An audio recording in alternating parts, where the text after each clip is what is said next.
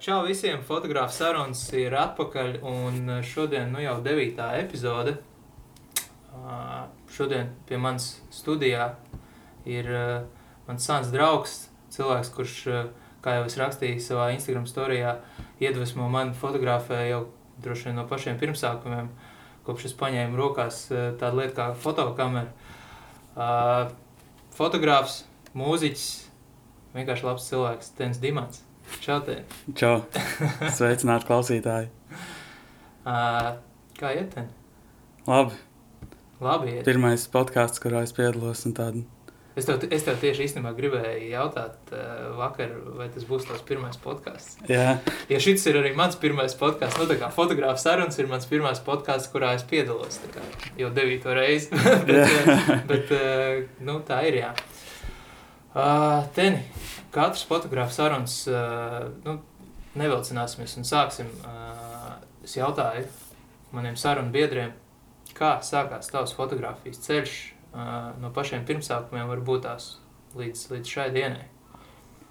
Vai tu maz atceries vispār kaut ko tādu? es atceros to, ka, eh, ka es, kad es biju maziņš, tad es mēdzu iztēloties kā kaut kādas, ka es gribu apstādināt kaut kādus brīžus. Ka Es iztēlojos galvā, kāds varētu izskatīties, ja tā būtu bilde vai fotografija. Un manai mammai ar tēti bija daudz zenīti mājās, mētājās visādas filmu kameras no saviem laikiem sapirktās. Un tad Baldonas mākslas skolā parādījās iespēja fotografēt ar filmu. Tur es arī sāku. Tas bija mans pirmās, pirmā tāda pieredze, kad es varēju skatīties cauri uh, skatu meklētājiem, tajā spogulī, kas ir tiem fediem un zenītiem. Un, un jau tajā izstījās tā kā, ka pilnīgi cita pasaule. Ok, un uh, sanāk, ka būtībā tev, tev, tev ir liela un radoša ģimene, vai ne? Uh, Jā. Tad sa sanāk, ka būtībā ģimene bija tā, kas savā ziņā tevi ievirzīja šajā te, šā ceļa uzsākšanā. Ja? Jā, mēs, mēs visi mēs esam septiņi bērni. Un, okay. Okay. mēs visi eh, gājām mākslas un mūzikas skolās Baldonē. Un, kad ģimene, principā, mūsu jā, mamma ar tēti mūs tur ievirzīja un atbalstīja un palīdzēja ar visām tām lietām. Uh, tu teici, ka tu sāki savus fotogaitas uh, ar, uh, nu, no filmu fotoaparātiem. Ja? Tad, tad uh, tagad jau droši vien tas tāds ekskluzīvs stēli, tīpaši jaunajai paudzei, kas tik, tikko varbūt tās sāk fotografēt. Nu, es nezinu, kurš sāk ar filmu fotoaparātiem. Ah, nē, starp citu, starp citu es zinu gan vien, vienu uh, puiku, kas uh, ir mans kolēģis dēls. Un, uh, viņš īstenībā savu pirmo kameru ir nopircis filmu kameru. O. Kā, kā tu vispār skaties uz uh, filmu nu, tehniku mūsdienās? Eh, Tas ir kaut kas specifisks. tā. Un tā, tā, tās filmiņas palīdz radīt interesantu sajūtu, jo daļa no tās radās pēc tam ap filmiņas tā apstrādes procesā. Un eh, es nezinu, vai viņam tā ir tiešām pirmā kamera, vai arī pirmā kamera ir mobilais telefons. Nu, es droši vien, ka viņa gadījumā tā ir pirmā foto, fotokamera. Jā, jo, Jā. protams, nu, telefons arī kaut kādā mērā ir fotokamera, bet fiziski fotokamera, kas ir domāta tikai bilžu uzņemšanai. Uh, viņa gadījumā, uh, kā es sapratu, uh, viņš to filmu kameru ir nopircis tāpēc, ka vienkārši nu, tajā brīdī viņam naudiņas bija tik, cik bija. Un tad, Jā. attiecīgi, viņš bija izdomājis, ka tādā veidā viņš arī daudz kvalitatīvāk var iemācīties fotografēt. Un kā, kā teiksim, tu skaties, fotografējot ar filmiņu, tu esi labāks fotogrāfs vai nē? Es domāju, ka skatoties, fotografējot ar filmiņu, noteikti es personīgi, kad es fotografēju ar filmiņu, es domāju ilgāk un, un rūpīgāk izvēlos kadrus. Es varu fotografēt vienu filmiņu pusgadu, piemēram, Okay, Kur ir gan ir 30? ilgi. 36 kadri. Man vienmēr ir arī digitālais aparāts. Tāpēc tad es domāju, šis varētu labi iztīties uz filmiņas. Un to fotografēt ar filmiņu. Bet tieši no mācīšanās uh, puses man liekas, ka ar digitālo ir daudz ātrāk var visu apgūt un ātrāk pamanīt kļūdas un saprast, kāpēc un kā viņas rodas. Ar filmu tas var prasīt gadus, lai iemācītos to, ko ar digitālo var trīs dienās iemācīties. Nu jā, respektīvi, tas, tā digitālā fotogra fotografija savā ziņā tev nu, palīdz ātrāk progresēt. Sanāk. Jo tu vienkārši esi daudz teiksim, fleksiblāks uz to, ka, nu, kā tu saki, ja, tur, tur, tur veselu gadu tur fočē vienu vien filmiņu. Ja. Visa informācija ir pieejama arī, visi settingi, visu var apskatīties digitālās kameras. Uz filmiņas vēl ir jāpieraksta blociņā, kādi parametri bija uzstādījumi. Jā, uh, nu, man personīgi ar to filmu ir tā, ka uh, nu, man ne, ne man patīk, ne es arī uh, kaut kā ļoti, ļoti esmu nu, tur uh, mēģinājis, un uh, nē, mēģinājis es esmu. Man ir tā, ka es, es, ne, es nesaku, ka tas ir kaut kas tāds, ko nevajadzētu darīt, bet es arī neesmu par to filmiņu. Jo man laikam tas, eh, tas process, nu, kā tu saki, tur fočē palēnām, jā, tur, tur attīst tās bildes. Ir tur, protams, viss, visā tajā procesā sava kaut kāda, kaut, kaut kāds savs šarms. Kādreiz tur Vans istabā tumšāk eh, attīst tās bildes sarkanā, sar, sarkanā istabā, mm -hmm. sarkanas gaismas. Tas jau viss ir ļoti interesanti, manuprāt. Bet jā, nu, tas, eh, tas ātrais, straujais dzīves ritms kaut kā, nu, manā gadījumā nu, ir, ir eh, ņēmis virsroku, un eh, tā digitālā fotografija man ir eh, tuvāka. Nu, ļoti interesanti, teiksim, tas, kad tas viss tagad nāk apakaļ, tā, tā, tā analogā fotografija. Un cilvēks sāk jā, kā, ar, to, ar to pat nu, pirmām kārtām nodarboties, un tad tikai ņemt tādas digitālās tās, fotogrāfijas. Vispār mums tā kaut kā tā saruna par to analogo iebīdīju. Ar zenī, Zenītu mēs sākām. Uh, jā, ten, Klau, izstāsti man, kā vispār paiet tev fotogrāfi ikdienu? Ko tu vispār dari? Un, un, un, un, jā. Šobrīd es uh, strādāju uzņēmumā Northern Grip uh, par at Northern Grip. Kas Instagramā. tas ir uzņēmumu? Mēs fotografē, es fotografēju drēbes, mēs dabūnam drēbes no, no vintageiem, no humanām, no visādiem veikaliem. Un uh, viņas visas tiek izmazgātas, iztīrītas. Viņas ir īpaši atlasītas specifiskos stilos un pēc modēm un sezonām. Uh, mēs sākām trīs cilvēki, tagad mēs esam 13 cilvēku komanda. Okay. Labs. Un, uh, Un jā, viss iet uz internetu veikaliem, un cilvēki ārzemēs meklē tās lietas un pērk viņas caur internetu. Bet pag, jūs, jūs tās drēbes lokāli viņas pērkat, vai tas ir arī no ārzemēm? Tā, tās drēbes tiek uh, sūtītas. No, Nē, nu, gan jau, ka humanā no ārzemēm tiek sūtītas, bet vai, vai iegādāts jūsu gadījumā viņas tiek tepat Latvijā, un tad jūs viņus tur... Vi, viss, viss kaut kur. Ā, viss kaut kur. Jā. Ok, un tad tu esi tas, kurš iemožina to visu. Jā, es fotografēju uz eh, modeļiem. Mm -hmm. Apģērbs, kas ir daudz interesantāk. Es nevarētu iztēloties visu fotografēt uz statīvu vai vienkārši noklātas zemē. Mēs tagad atvērsim, eh, atvērām tikko bērnu veikalu, kur ir bērnu vintage drēbes, kuras ir daudz grūtāk dabūt. Un eh, tās, un bērns par modeļiem ir daudz sarežģītāk dabūt, tāpēc tās fočējam uz zemes mm -hmm. uz dažādiem foniem. Un tā. Bet pārējās visas, jā, mums ir modeļi un ļoti forša sadarbība izveidojusies. Fotosesijas dienas ir jautrās dienas ar lielām brokastīm un visu, kas ir nepieciešams. Un jā, tad pārējās dienas, kad es, tad, kad es nefotografēju, tad es apstrādāju bildes. Principā. Ok, ok. Uh, nu, labi, nu, forši. Uh, Klau, uh, nākamais uh, tāds uh, mans, kā es vienmēr saku, reglamenta jautājums. Uh, Katram no mums ir kaut kāda iedvesmas avoti, jā, nu, re, kur, kā jau es minēju, manā gadījumā tu biji ļoti, liela, ied, ļoti liels iedvesmas avots man, manās, uh, nu, manos pirmsākumos un, un īstenībā arī šobrīd. kā ir ar tevi? Kurš ir tavs lielākais iedvesmas, iedvesmas devējs un kas tev palīdz teiksim, turpināt to, ko tu esi iesācis, doties tālāk, darīt, neapstāties? Mani arī tu iedvesmo ar to, ka uzsāk šo podkāstu. Paldies! Ka tā ir ļoti laba doma un arī labā izpildījumā. Un, jā, apkārtējie cilvēki Arī mani iedvesmo apkārtējie cilvēki. Mūzika ļoti iedvesmo un viss, ko es daru, principā. Runājot par mūziku, nu, es skatos, ka pēdējo gadu laikā tā tev ir kļuvusi tāda nu, ļoti teiksim, liela daļa no tavas ikdienas, kā tu nonāci līdz tam.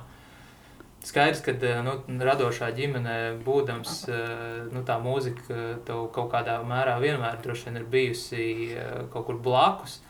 Bet, Nu, iepriekš es neredzēju, ten, ten, ten, tur dziedam, vai, vai, vai, vai, vai tur. Es, es esmu redzējis tevi iepriekš kaut kur dejojam, bet teiksim, tur spēlējam instrumentus. Tādā garā tas bija priekš manis kaut kas jauns.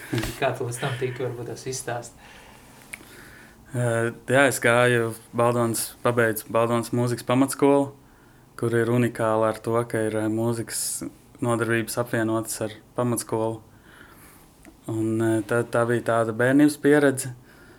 Pēc tam es aizgāju uz Rīgu, uz vidusskolu, un tad īpaši mūzika neinteresēja. Bija citas lietas, tajā brīdī inlines un fotografija. Sākās fotografēšanas laiki pamazām. Es tāpat kā tu gribēji iemūžināt tos ekstrēmos sporta veidus, inline, principā ar ko viss sākās. Un uh, tad es ilgu laiku strādāju par fotografu un darbojos ar fotografijām. Uh, paralēli. Tā, kurš gads tas bija? Es tagad nepateikšu, bet paralēli es darbojos arī Rīgas folkloras uh, kopā kokla. Tā ir Rīgas skolēnu pils folkloras kopā kokla kur, kur, pie, kur vajadzēja čaļus, kas māk dejot dančus, latviešu dejas, tautas dejas, kas ir fol folkloras dejas, nevis dziesmu svētku uzvedumu tā tādā stilā. Un, jā, vis, tad, tas viss sākās ar to, tur sāku spēlēt kokli un dziedāt, jo man ļoti patika kokli, kā skan, un es viņu izmantoju, principā lietoju kā meditatīvu instrumentu patīk tās vibrācijas, kad viņi spēlē un kā viņi klēpī un visas tās frekvences, kas nāk ārā no viņas. Un uh, tad es kādu laiku arī biju iegrimis Sofijas darbos un fotodarbos. Līdz uh, māsas mani uzaicināja, uh, māsas Dimantas, manas māsas, uzaicināja mani uz Brazīliju, uh, prezentēt Brazīlijas latviešiem uh, Jāņus, kā, uztaisīt eh, folk šovu un, un parādīt tradīcijas, un iemācīt dēļas, un uztaisījām koncertu. Un, uh, tur mums bija superīga uzņemšana, tā ir brīnišķīga vieta. Iesaku visiem aizbraukt, apskatīties. Un, uh, tad mēs braucām uz uh, pilsētu Monteverde, kas ir augstu kalnos.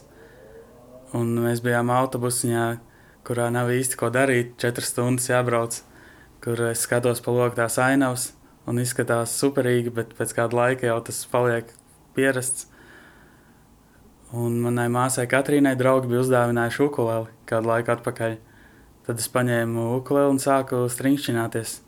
Vienkārši aiz tā, ka nav ko darīt. un tad uh, Katrīna man saka, es tev parādīšu dažus akordus. Vienkārši tu vari spēlēt jau kaut kādus akordus. Es pamēģināju dažus akordus, paspēlēju trīs akordus. Saku, labi, garlaicīgi, ko, ko es ar viņiem varu iesākt. Un uh, Laima ar Katrīnu man parādīja, kā viņas var salikt kopā, lai nospēlētu baltu saules spīdi. Un tad viņas dziedāja, un es spēlēju. Uh, un man ļoti iepatikās arī tā sajūta, kā ukulēla rokā tāds mazs instruments un kā viņi vibrē, kad viņi piespiež klāt un spēlē. Un uh, Monteverdē tad jau izdevās jau uh, pie vieniem jauniegūtiem draugiem nospēlēt arī uz tā kā māsas, viņiem uzspēlēja mazu koncertiņu, mēs padziedājām latviešu dziesmas. Uh, tad es uzspēlēju arī to Baltu saules spīd un ļoti iepatikās. Tad es domāju, es atbraukšu atpakaļ uz Rīgu. Ja man vēl gribēsies pēc kāda mēneša, tad es aiziešu un nopirkšu ukuleli. tā kā, un tā es nevarēju pārstāt par to domāt, un tad es aizgāju un nopirku. Tā arī viss sākās. Ok, interesants stāsts. Klau, vai mūzika vispār kaut kādā mērā ir ietekmējusi arī tavu fotografiju, nu, teiksim, skat, veidu, kā tu skaties uz uh, objektiem, bildēs vai, vai kaut kādā veidā, nu, teiksim, tad tā. Jo, jo es domāju, ka kaut kādā mērā tās radošās, uh, nu, radošās nodarbības uh, savā starpā uh, nu, vieno kaut ko un, un papildina vienu otru, tad uh, kā, kā, kā tev ir ar mūziku? Vai tas ir kaut kādā veidā ietekmēs arī nu, tavu fotografijas pusi? Es domāju, ka noteikti, ka viss ir saistīts. Jo gan, gan fotografijā, gan mūzikā es mēģinu ielikt kādu sajūtu. Un es arī uztveru, es uztveru arī no fotografijām, no mūzikām un video uztveru sajūtas, kas radās skatoties, vai kas ir bijušas tajā brīdī, piemēram, kad bilde ir uzņemta. E, tas pats ir ar, ar mūziku. Daudziem cilvēkiem to ir viegli saprast, ka viņiem asociējas, piemēram, kāda dziesma ar bērnības kaut kādiem labiem laikiem vai vidusskolas laikiem vai kaut ko tādu. Un tā arī ir e, sajūta. Mm. Un to ļoti labi var, e, tas viss ļoti labi apvienojas video, principā. Kā video klipos vai skate video, yeah. kur, ir, kur iet kopā mūzika ar trikiem, piemēram. Un ir, jā, tur var ļoti labi savienot to visu. Uh, vēl viens uh, tāds līdzīgs jautājums man vienkārši pašam ļoti interesē. Cik, uh, cik tavuprāt, uh, ekstrēmā slidošana ir attīstījusi tavu foto redzējumu un vispār uh, veidu, kā tu strādā? Nu, tieši nu, kā fotogrāfs. Tādi mani uh, kā, es pafotografēju mākslas skolā. Tā pir, pir, pir, pirms tu tā kā... Tad, kad es, jā, pirms tam, okay. kad, ar, kad es biju pamatskolas laikā vai pašā sākumā pafotografēju mākslas skolā, tad eh, pasniedzēja aizbraucu dzīvot uz citu pilsētu, un eh, es paliku bez tā visa, bez, bez fotolietām un tehnikām, Eh, man nebija kameras un nebija nekādas iespējas tev brīdi dabūt kādu kameru. Es nevarēju izdomāt vai atrast kādu veidu. Un uh, tad, jā, tad, tad es sāku, sāku skri, nu jā, daudz kas, kā es sāku skrituļot, īstenībā ir saistīts. Kad sāku skrituļot, skatījos daudz tos žurnālus un bildes internetā. Un video nebija tik daudz pieejami. Principā gandrīz vispār nebija neviens video pieejams tajā laikā nepastāvēja YouTube un visas tādas platformas. Un, eh, tāpēc fotografijas tieši ļoti iedvesmoja mani arī braukt ar skrituļslidām. Jo es dabūju, bija iespēja dabūt Narsenā, varēja dabūt eh, žurnālus. vai tas bija vēl kāds cits veikals, neatceros, vai tad jau Nārsens bija tajā laikā. Es aizbraucu uz Norvēģiju mācīties tautskolā 2003. gadā. Un uh, tajā laikā man pat nebija mobilais telefons. Kad vidusskolas laikā jau klases biedriem sāka parādīties mobilā telefona, to brīdi es neredzēju īpaši jēgu sev no tāda. Um, nebija ne internets, nekas tāds. Un, uh, tas tad, izklausās ļoti sen. tas, tas izklausās cits gadsimts. jā. Un, jā, un tad uh, Norvēģijā man bija iespēja tikt es, es biju tādā tā kā datoru mediju klasē, kuras iemācījos ar premjeru strādāt un Photoshopā kaut kādas lietas jau izdarīt.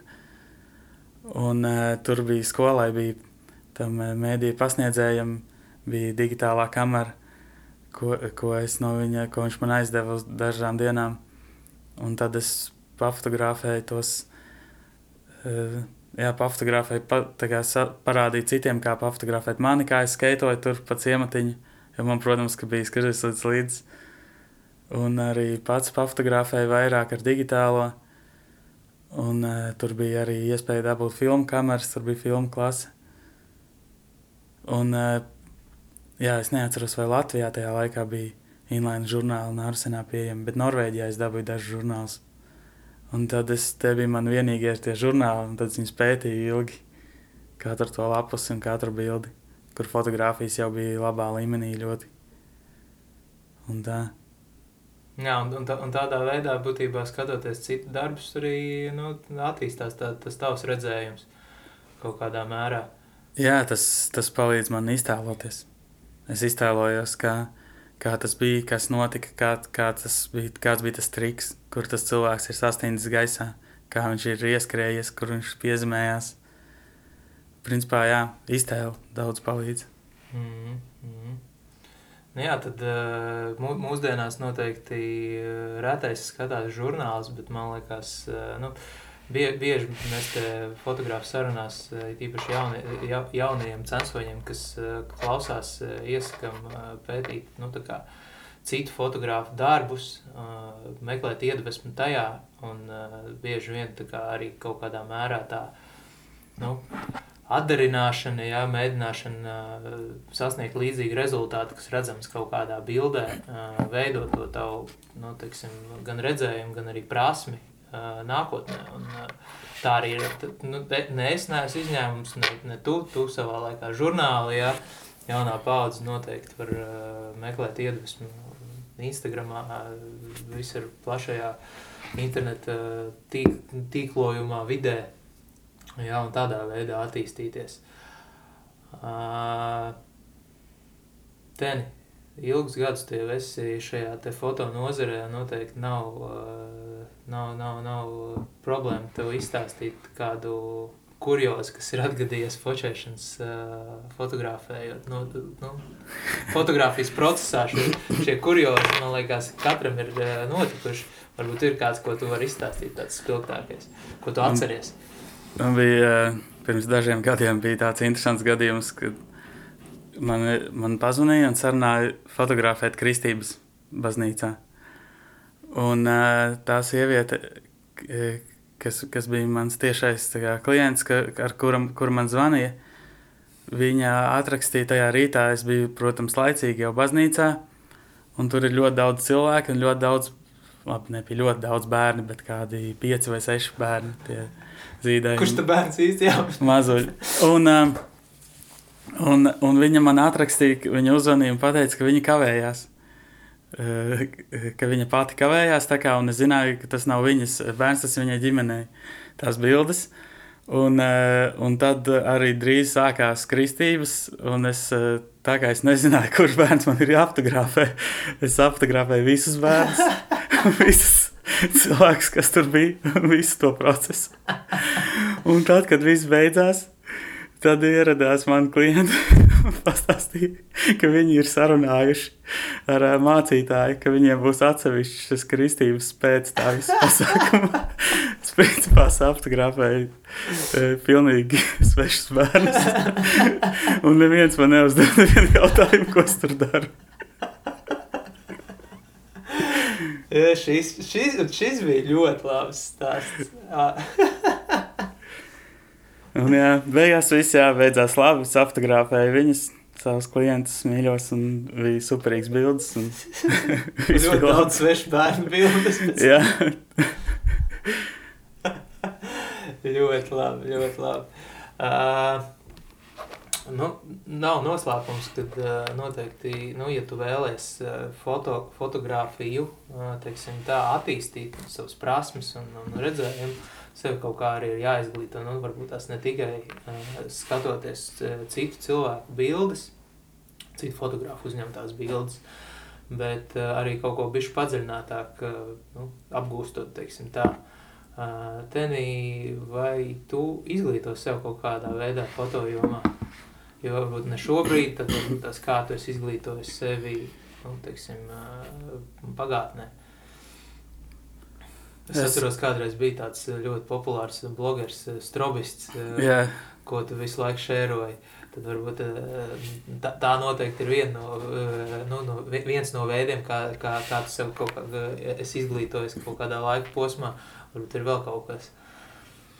Jā, es ļoti daudz iemācījos no strobistiem. No, no Davida, kuram bija tas strobis.com, kas oriģināli tas arī bija laiks, kad YouTube vēl tikai sāka parādīties. Un e, daudz esmu iemācījies no Chase Jarvis. Ir tāds amerikāņu fotogrāfs, un viņš tagad ir uztaisījis Creative Live, e, kur, kur, viņi, kur viņiem ir e, tās ir tā kā online apmācības, kur sākumā viņiem bija arī cilvēki, kas tiešraidē, viss notika tiešraidē, un bija cilvēki, kas sēdēja dzīvajā, skatījās to un uzdeva jautājumus un plus vēl online viss tas notika. Un tad, kad notika tiešraides, viņas varēja skatīties par brīvu, un pēc tam atkārtojumu, lai dabūtu vai tajā pilnajā kvalitātē, e, jo tiešraidē nav tik, tik laba tā kvalitāte, tad bija par maksu tas Creative Live. Un tad viņš to uztaisīja. Viņš bija viens no pirmajiem, kas sāka dalīties ar, e, ar saviem skilliem, ar to, ko viņš ir iemācījies un kā tas notiek, un procesiem un behind the scenes. Uh, lietām. Tas bija jā, jā, pašos YouTube sākumos un, un vēl pirms tam. Tad tie ir tādi divi lielie, no kā esmu ļoti daudz iemācījies. Es gāju arī fotoskolā, fotoskola.lv varētu būt, ka viņiem tagad ir tā Birutes Magēlas fotoskola. Un uh, tur es sapratu, ka lielāko, tā kā tur apmācā cilvēks, kas no nulles mācās, tad lielākā daļa tehniskās lietas es jau biju apguvis. Es tur apguvu tādas mākslinieckākas lietas un uh, interesantākas dažādas tās filozofijas, kas pasniedzējiem bija. Un tā bija arī ļoti interesanta pieredze. Jā. Kas vēl tagad, principā tagad es daudz ko mācos, ja es kaut ko nevaru atrast, saprast vai izdomāt, es to sameklēju YouTube. YouTube ir lielākās uh, dzīves skola fotografiem mūsdienās. jā. Ja var, ja var uh, jā, mācīties angļu valodu, šobrīd vismaz angliski var atrast ļoti daudz. Es domāju, labi, krieviski gan jau arī. Bet visas lietas, ko var, ko var eh, dabūt par naudu, informācijas ziņā var dabūt arī par brīvu YouTube. Varbūt mazliet jāparok dažreiz, bet var atrast. Atgriežoties pie tā strobista, tiem varbūt tas, kas, kam interesē strobist.com, jā, bija tā, tā mājaslapa. Vai yeah. Un tas, man liekas, viņš joprojām, tā, tā mājaslapa joprojām strādā. Viņa ne? bija blogspotā. Jā, jā. Un... Tur, tur tā, es, es precīzi, precīzi neatceros, bet man liekas, tur tā pamatdoma bija, tas Džeks mācīja uh, gaismot ar parastajām mazajām zipenēm, ne? Vai, vai jā, ar bateriju zipspuldzēm. Ar bateriju zipspuldzēm, jā. Kā? Ar, zip, ar zipspuldzēm, kuras liek uz kameras, piemēram. Okay, tā var jā. vieglāk saprast, kurus var uzkrūvēt uz kameras, bet viņš viņu noņem no kameras un ar dažādos veidos viņu var palaist. Mm, ar visādiem uzlabojumiem. Es kaut ko tur jā. esmu lasījis. Tas nu, vienkārši tiem, kam, tie, tie, kas šobrīd klausās un ir interesanti apgūt kaut ko tieši padziļinātāk ar, ar gaismošanu saistītu, izmantojot tieši šīs mazās zipspuldzes, ko parasti uzkrāja virsū kamerā, tad var nu, apmeklēt šo strobist.com, nu, Google pameklēt un pastudēt kaut ko tur noderīgu informāciju iegūt. Uh, Nu, ja neinteresē lasīt, tad, tad noteikti YouTube arī daudz visādas lietas var vienmēr sameklēt un tādā veidā attīstīt savu fotoprasmi tieši gaismošanas nu, šajā te pusē. Uh, ten izstāst man, no kā tev dzīvē visvairāk ir bail? Um. jā, grūti bail, tā, tā kā Tas ir tādas filozofiskās lietas. Un tā, es daudz domāju par šo realitāti vispār, un, un kas mēs esam, un vai tas viss, ko mēs darām, vispār ir īsts. varbūt tas, tas nemaz nav īsts, varbūt mēs guļam īstenībā kādā citā paralēlā pasaulē. Jā, kad mēs guļam, kur mēs esam, principā. Kur, okay. kur cilvēki atrodas, kad viņi ir aizmiguši. Kā, ja citreiz cilvēk, kad cilvēks ir dziļajā miegā, viņu var kratīt, un viņš ne, nepamostās. Viņš principā tur nav. Jā, tie ir tie jautājumi. un tās, tās interesantās lietas. Nu, no tā tev visvairāk bail. No, no tā nezināmā. Kas, kas, kas ir īstenībā tajā pusē? jā, Otrā pusē, kas ir? jā, jā, grūti pateikt tā, jā. Gribētos ticēt, tā kā, kad liekas, ka ikdienā liekas, ka nav bail, piemēram, no nāves vai kaut ko tādu. Bet tad notiek kaut kāds gadījums, kas viņš sakrata un ķermenis reaģēja savādāk. Un tas ir tā interesanti, jā. Ok, ok. Uh, runājot par uh, Latviju un, un vispār par fotografiem Latvijā, uh, tev sanāk vispār šobrīd sekot līdz kaut ka- kas, kas, kas notiek tā kā vietējā šajā te, nu, fotografu komunā. Uh, nu, ka, es nezinu, tas varētu būt vienalga Instagrams, kaut kur kaut kāds pasākums vai kaut kas tāds. Vienkārši jautājums man šobrīd priekš tevis ir, kā tev šķiet, kāda ir fotoindustrija šobrīd Latvijā? Es domāju, es domāju, jā, atkarīgs no kā skatās to jautājumu. Bet tas ko, es, tas, ko es vēroju un ko es domāju, ir eh, tas, ka, ka Latvijā ir labs līmenis diezgan, ka ir ļoti daudz ļoti brīnišķīgi fotografi, kas ļoti skaisti fotografē. Eh, Tas ir viens. Un otrs ir tas, ka viņiem visiem pietiek, ko darīt. Ka šeit ir ļoti daudz ko darīt. Ir ļoti daudz klientu un var atrast ļoti daudz klientus. Un, un eh, ja, ja kāds jaunais, kas domā, kā, kad, eh, kad, ka, tas, ka tas nav reāli vai ka, ka ir baigi jācīnās par eh, klientiem, tad īstenībā ir, tas tirgus ir ļoti milzīgs. Un visi var atrast savu klientu, katrs savā jomā un nišā. Tas ir tas, ko es novēroju. Ok, ok. Interesanti atbildi. Forši. Uh, ne, man, man vienkārši, uh, man tieši nedaudz tā kā, es, es pieņemu, ka tas ir uh, tāpēc, ka es, nu tā, darbojos un daru to, ko es daru. Man savukārt vienmēr licies, ka tas Latvijas tirgus tas diezgan maziņš ir un, un, un ir grūti, tā kā, nu tas nav neiespējami, jo, kā rāda, teiksim, uh, nu, praksa un lietas, kas notiek, tad uh, ir, ir, ir tie fotografi, ja, nu, mē- mēs, mēs tiešām esam ļoti daudz un ļoti talantīgi Latvijā fotografi ir, un uh, katrs ir kaut kur te, savā tajā, tajā spotiņā iesēdies, un viņš tur sēž, viņi tur ļoti ērti, forši, ja, viņš tur, viņš tur dzīvojās, ja, Jā. tad, un tad rēti parādās tā, kāds, kurš tā kā viņu tā kā pēkšņi, ja, tur aizvieto, ja. Uh, vai, vai, vai nomainās, piemēram. Es, protams, saprotu, ka uzņēmumi, jā, ja viņi ir atraduši kaut kādus foršus cilvēkus, ar kuriem sadarboties, nu šajā gadījumā mēs runājam par fotografiem, fotografiem vai videogrāfiem, tad, nu, ja, ja, tas, ja tas cilvēks labi veic savu darbu, kāpēc gan viņš būtu jāmaina, jā, bet uh, ir kaut kāds lielāks uzņēmums, kas, kas nu, varbūt tas nodrošina to rotāciju, bet uh, tas nenotiek ļoti bieži, tāpēc uh, man, man, atkal, man atkal vienmēr šķits, ka tas uh, tirgus ir tāds uh, nu, šaurs, maziņš, un, un tur tā, tā, tā ļoti viss tā notiek. Tā, nu, grū, grūtāk tas, uh, teiksim, kā piemēram, nu, ja, ja mēs būtu liela, liela valsts ar ļoti daudz iedzīvotājiem, un katrā pilsētā būtu, nezinu, pa 600 tūkstošiem iedzīvotājiem, tad, uh, tad, protams, tā situācija būtu citādāka. Visi būtu priecīgi, laimīgi un tā tālāk. Bet tāpēc saku, uh, nu, ļoti interesanti atbild tas tavs redzējums, ka tev, tev, tev, tev liekas, ka tur viss ir uh, forši, nu, tā kā, un ir daudz tās, tās lietas, tā kā, uh, dažādi viedokļi, tas ir interesanti vienmēr, man tā šķiet.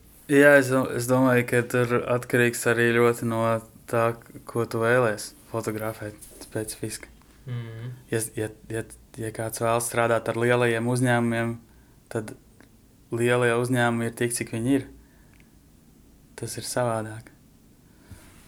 Iespējams. Bet arī, arī, arī, arī citreiz ir uh, uzņēmumi, kas uzaicina, kam, piemēram, ir, ir cilvēki, ar ko viņi strādā visu laiku, bet, piemēram, tam cilvēkam tas datums ir aizņemts vai kaut kas, viss kaut kas var gadīties. Un tā, Jā. es domāju par privātē, privātajiem klientiem vairāk tādām lietām, piemēram, kāzas, fotografēt, fotosesijas, vecmeitu balītes, dzimšanas dienas, eh, zīdaiņas. Kā tev liekas, kur, kur ir uh, viss uh, tāda populārākā niša šobrīd fotografijā Latvijā?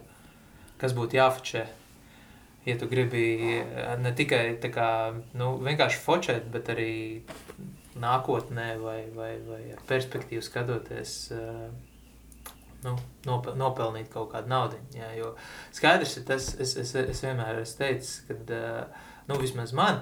Man, man ļoti svarīgs ir tas process, un es, to, es tās uh, sajūtas, uh, kas, ko, ko, pēc kā es tiecos. Ja? Es iegūstu procesa laikā, fotografēt nu, dažādas lietas. Uh, Un vienmēr ir forši saņemt par to, protams, kaut kādu atlīdzību. Ne? Nu, tas tā kā tāds, man, man, priekš manis tas ir tāds bonus. Ja? Es, jo es, es nesēžu mājās un es nedomāju, oh, ok, jā, labi, es tagad nodarbošos ar fočēšanu, tāpēc, ka es gribu pelnīt uh, naudu. Nē, nu, es, es tomēr nodarbojos ar fotografēšanu pirmām kārtām tāpēc, ka man tas patīk, man patīk process un man patīk tās sajūtas, kuras es uh, iegūstu procesa laikā. Jā. Ja? Uh, tad attiecīgi vienkārši, nu, jā. Ir tas, jā, ir tas izaicinājums, kā, dabūt to, ko es iztēlojos. Lai, iz, lai bilde izskatās tā, kā es to iztēlojos. Kā es iztēlojos, lai bilde, kā es gribētu, lai viņi izskatās. Okay, jā. uh, bet uh, nu, tas, uh, tas, jā, tas, tas, tas mans jautājums, jā, kā tev šķiet, kāda ir, jā. kur, kur, kur tavuprāt ir tā niša šobrīd? Es, uh, kāda, kāda man bija pieredze un kāda, kāda es redzu arī iespēju visiem, kas ir cilvēkiem vienkārši, es domāju, ka sākt vienmēr var ar saviem apkārtējiem cilvēkiem. Var fotografēt jau pazīstamos cilvēkus sākumā. Un vislabākie klienti ir tie, kas, kuri, kurus esmu dabūjis caur ieteikumiem, un kuri tad arī iesaka mani tālāk viens otram. Un tad arī ir pilnīgi cita attieksme nekā ja viņi kaut kur vienkārši atraduši internetā. Jā. Okay. Tad, tad tas arī tāds labs kompliments ir. Tā ir. Kad, kad novērtē to darbu, papildus, tā kā, papildus tādu sajūtu. Mm -hmm. Jā, tas, manuprāt, tas no mutes mutē tie, tie, tie ieteikumi, tie ir tādi, nu, kas tev arī rada tās foršās emocijas. Tās sajūtas, ka, nu, jā, ka, tu, ka tu jūties ļoti novērtēts, nu, ka tev ir kā, ieteikuši tālāk, nākamajā. Uh, ok, uh, runājot par uh, profesionalitāti fotografijā, uh, jautājums skan tādā, kā tavuprāt, uh, kas tavuprāt ir profesionāls fotogrāfs un kurā brīdī cilvēks var sākt sevi dēvēt par profesionālu fotografu? Un vai tu sevi uzskati par profesionālu fotografu?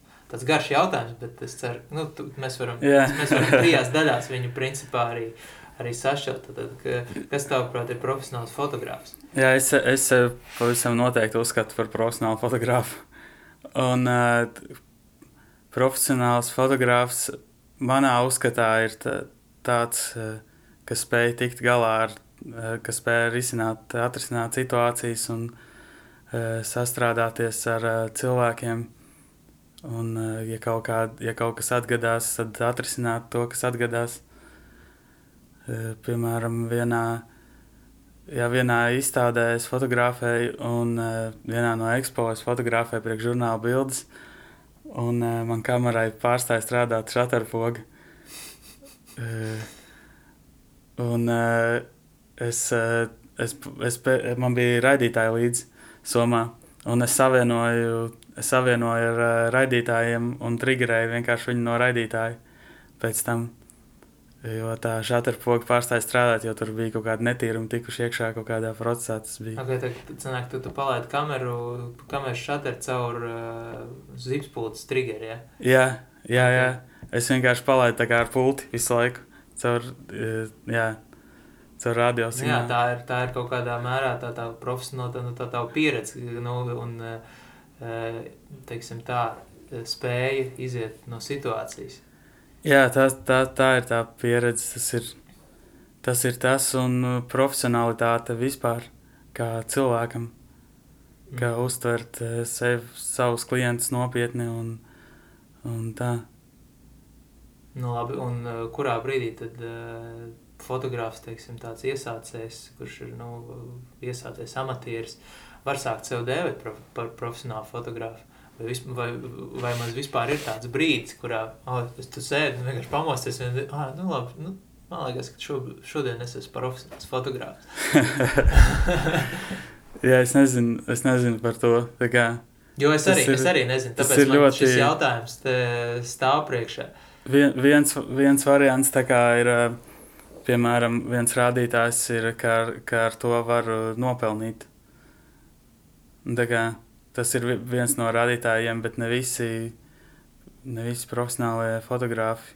Nē, tā, tā varētu būt, jā, īstenībā, ka profesija, tā kā, ja, tā, tas, ja tas profesionālais ir saistīts ar profesiju. Es Tajā domāju, brīdī, tas, kad, kad ja tev tā kļūst par profesiju, tad Jā. tas varētu būt profesionāls fotografs.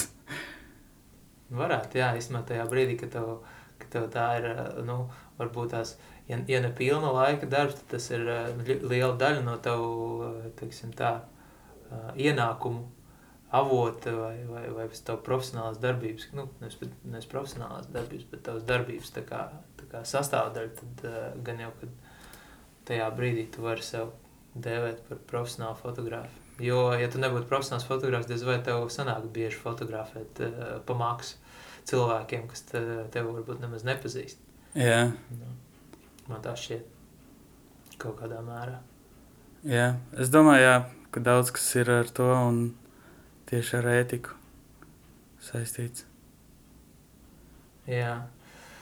Uh, ten tu kā, kā, kā, kā, kā profesionāls fotogrāfs, uh, kāds apstā, uh, attēla apstrādes programmas tu izmanto, lai panāktu savu vēlamo rezultātu? Es atceros, es atceros uh, savā laikā, tad, kad es sāku fotografēt, tad, uh, man liekas, tu biji pirmais uh, ekstrēmais fotogrāfs, kas sāka, uh, pirmais fotogrāfs, kas fočē ekstrēmas sporta veidus un kas sāka lietot tādu programmu kā Lightroom, kas mūsdienās, man liekas, ir vispār nu, tā kā programmatūra, no kuras vispār sāk. Pirm, pirmais, ko izdarīt, pirms vēl nofočē bildi, atver Lightroom jau un neuzsāk kaut ko tur, nu, tur darīties. Tad es vienkārši atceros tās bildes, kad viņas bija pilnīgi citādākas. Jā, tas Lightrooms, uh, nu, viņš tev, viņš tev ļāva tās, tās iespējas, ko tā programmatūra dod, spēlēties ar gaismu, ar, ar krāsām. Jā.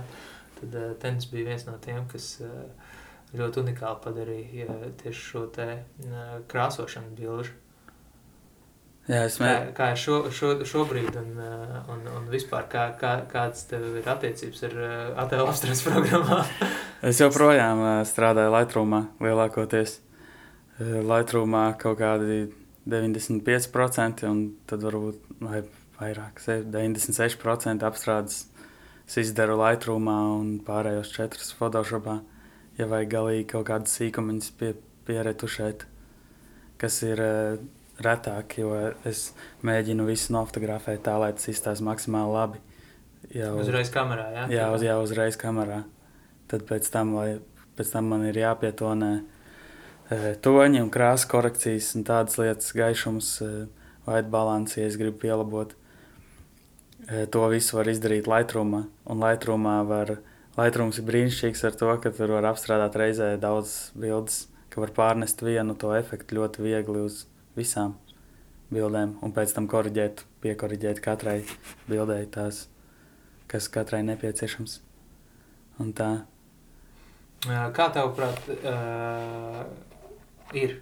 Kā tavuprāt, ir jautājums skanēs. Tā, es, es esmu no pāris fotogrāfiem dzirdējis, ka Lightrooms padara fotogrāfus slinkus. Jo tur ir viss, tā, tā kā, viss tāds ļoti intuitīvs, ļoti vienkāršs. Tur ir tie preseti, kas ir nu, mūsdienu fotografijas neatņemama sastāvdaļa. Kā tev šķiet vispār, vai, vai Lightrooms padara tavu profesionālo darbību, nu, un tevi slinkāku, vai, vai nē? Man personīgi nē, jo, man pa, jo es eju cauri katrai bildei.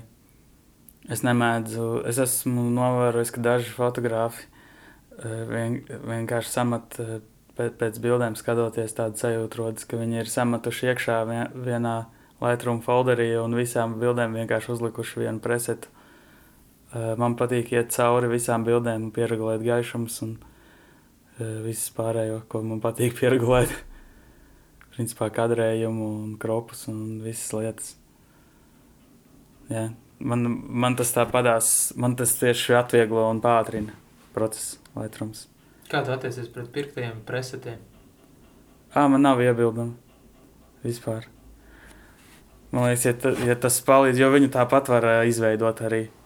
Ja, ja, ja cilvē, to presetu cilvēks var izveidot pats, ka, kur kādu var nopirkt, tas jau tajā programmā viss ir iekšā. Tas varbūt ietaupa ilgu laiku, kas būtu nepieciešams iemācīties izveidot to krāsu un no toņus.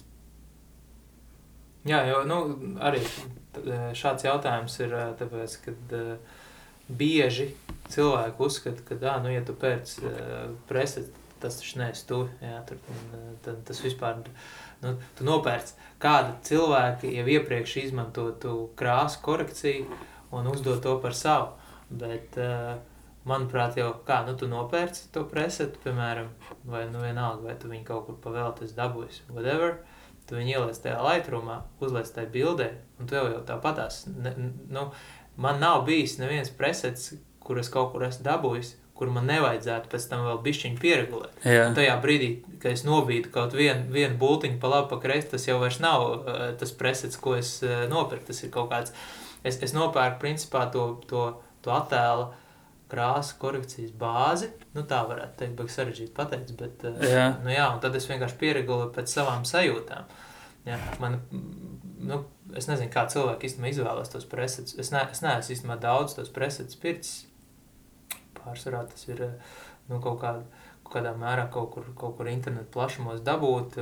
No, no, no sen seniem laikiem viņi man visu laiku ir gājuši līdzi. Šobrīd man ir kaut kādi četri vai pieci, kurus es visu laiku izmantoju, principā visām bildēm. Un tie, kas man vienkārši pēc sajūtām, nu, apstrādājot bildes, vislabāk patīk. Jā. Jo, protams, ka tā m, laika gaitā tas, tas redzējums manējais ir mainījies. Nu, tā kā es apstrādāju, tur nezinu, pēc pirms septiņiem, astoņiem gadiem bildes, es tā vairs visdrīzāk nekad neapstrādāšu. Es, Jā. es kaut kad īstenībā nesen biju atracis kaut kādas vecas, uh, cietas diskus, tās vecās bildes, un man liekas, ak, Dievs, kas tas tāds ir. Un tad ir, bija tur viss tādi, tur, es atceros pašā sākumā pat darbiņi, pa kuriem man samaksāja. Un tad tev tā, tu tagad skaties, un tev liekas, kā tu vispār kaut ko tādu varēji cilvēkam atdot. Bet, Bet tajā laikā tas šķita forši. Tas bija aktuāli, jā. Tas bija aktuāli, jā. Un, tā kā, nu, man liekas, nu, tieši tā, kā tu saki, tas nav nekas tāds traks, izmantot tos nu. presetus. Un man liekas, man liekas dīvaini, ka cilvēki uzskata, ka ne, tu Photoshopā, ja, ka tu tur sēdēsi un tagad grozīs visas krāsas, tur pats. Nu, Photoshop, Lightrooms jau ir atvasinājums no tā Photoshop. Nu, Vienkārši tās galvenās uh, features, kas ir tieši krāsa korekcija, viņas ir uh, izvilktas laukā no Photoshop. Un, uh, man tieši patīk arī tas, ka tajā Lightroomā ir tā, tā organizācija forša. Uh, to, to failu, tavu setu organizāciju, Jā. ka tu arī uh, atlasīt tās bildes, sagrupēt.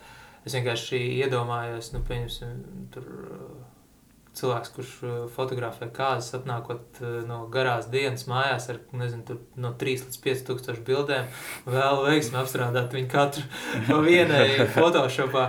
Apmēram pat, pateic, pāris prasa, kad būs bildes, nu, pēc pusgada. jā. Uh, jā, par uh, Photoshopu tur ir, uh, tur arī ir tāda funkcija automation. Cik es atceros. Nu, tur, man liekas, tagad ir tajā. Es, tu, tur ir gan preseti, to, tos action, nu, actions strādā, man liekas, kā, kā preseti savā ziņā. Un, un ne tikai vēl tur papildus visādas features ir, ka būtībā, nu, var jau to pašu izmantot, vienkārši Lightroomā ir tā forša organizācija. Jā. Tur, principā, Photoshopā var izdarīt un, to pašu krāsu ziņā, un, un, un, bet lai, tas prasa ilgāk. Nu, jā, jā, un tas Lightrooms, viņš jau tieši pātrina tavu darbu, nu, tā kā darba spējas tavējās. Jā. Tīpaši, ja tu esi fotogrāfs un ļoti aktīvs fotogrāfs, tad uh, nu, nav pamata teikt, kad, uh, kad, kad, kad uh, Lightrooms padara cilvēks. Par uh, presetiem vēl, uh, tas jau ir, tas jau tā kā būtu, piemēram, kā filmiņu fotografi. Kad viņš izvēlās fotografēt ar vienu veidu filmu, tad varētu teikt, tas cilvēks, tas nav, nav, kā, tas nav viņa stils vai viņa bildes. Tas viss jau aizsākās ar to, un katrai filmai pavisam citas krāsas un toņi. Jā, ko tu atkarībā no settingiem, jā, kuri vēl rodās pēc tam laboratorijā, kur, kur var ietekmēt kā, to toni arī pēc tam. Bet tas ir arī dārgs process un ilgs, ilgs process. Bet tas ir tas pats, piemēram, cilvēki, kas fotografēja ar mambo to filmu, jo viņiem nebija citi varianti, piemēram, senajos laikos. Tad uh, varētu teikt, tas, tas jau nav viņš. Man jau liekas, ka fotogrāfs vairāk ir tas redzējums, kā, kā tas ir iekadrēts un leņķi no kurienes, kādi attālumi, objektīvi, tādas lietas. Tieši tas redzējums, pasaules redzējums, tā iztēle atšķir mm -hmm. vienu fotografu no otra. Jā, neatkarīgi es, no krāsas. Es, es, es tev pilnībā piekrītu. Uh, Nu, parunājam par, par tādu lietu kā Instagram. Man te visi tādi Instagram ir nāk runāties ar mani. Jā. Pats arī es tur diezgan aktīvi darbojos ar tevi, nu, ar tevi nedaudz citādāk. Tu varbūt tās neesi tik ļoti aktīvs Instagramā, bet kā tev šķiet?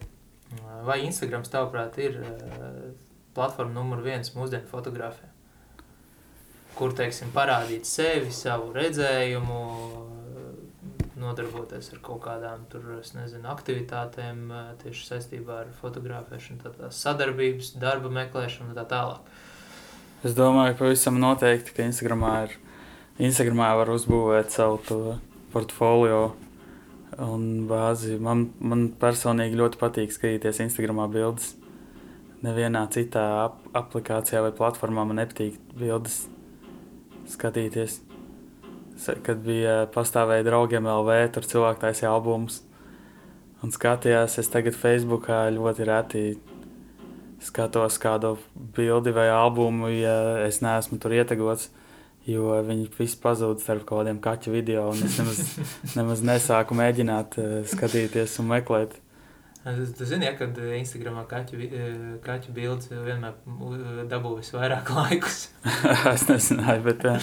Man bija viens gads, kur, kur bija, ir, ir tas katru gadu, gadu beigās tu vari to best nine taisīt. Yeah. Tad aizvadītā gada savas tā kā deviņas laikotākās bildes, nu, tā kā, kuram visvairāk tie, tas impression bijuši un tā tā. Yeah. Tad bija vienā gadā, kad es biju ielicis netālu no tavām mājām pie vienas mašīnas nofočēta uh, rudu kaķi. Yeah. Es viņu tā apstrādāju, kad uh, viss pārējās krāsas bija principā melnbalts, tikai tas rudais kaķis bija tāds, viņš tāds smuks sēdēja, vienkārši skatījās uz mani. Yeah. Un tajā gadā no visām bildēm tā dabūja visvairāk laiks.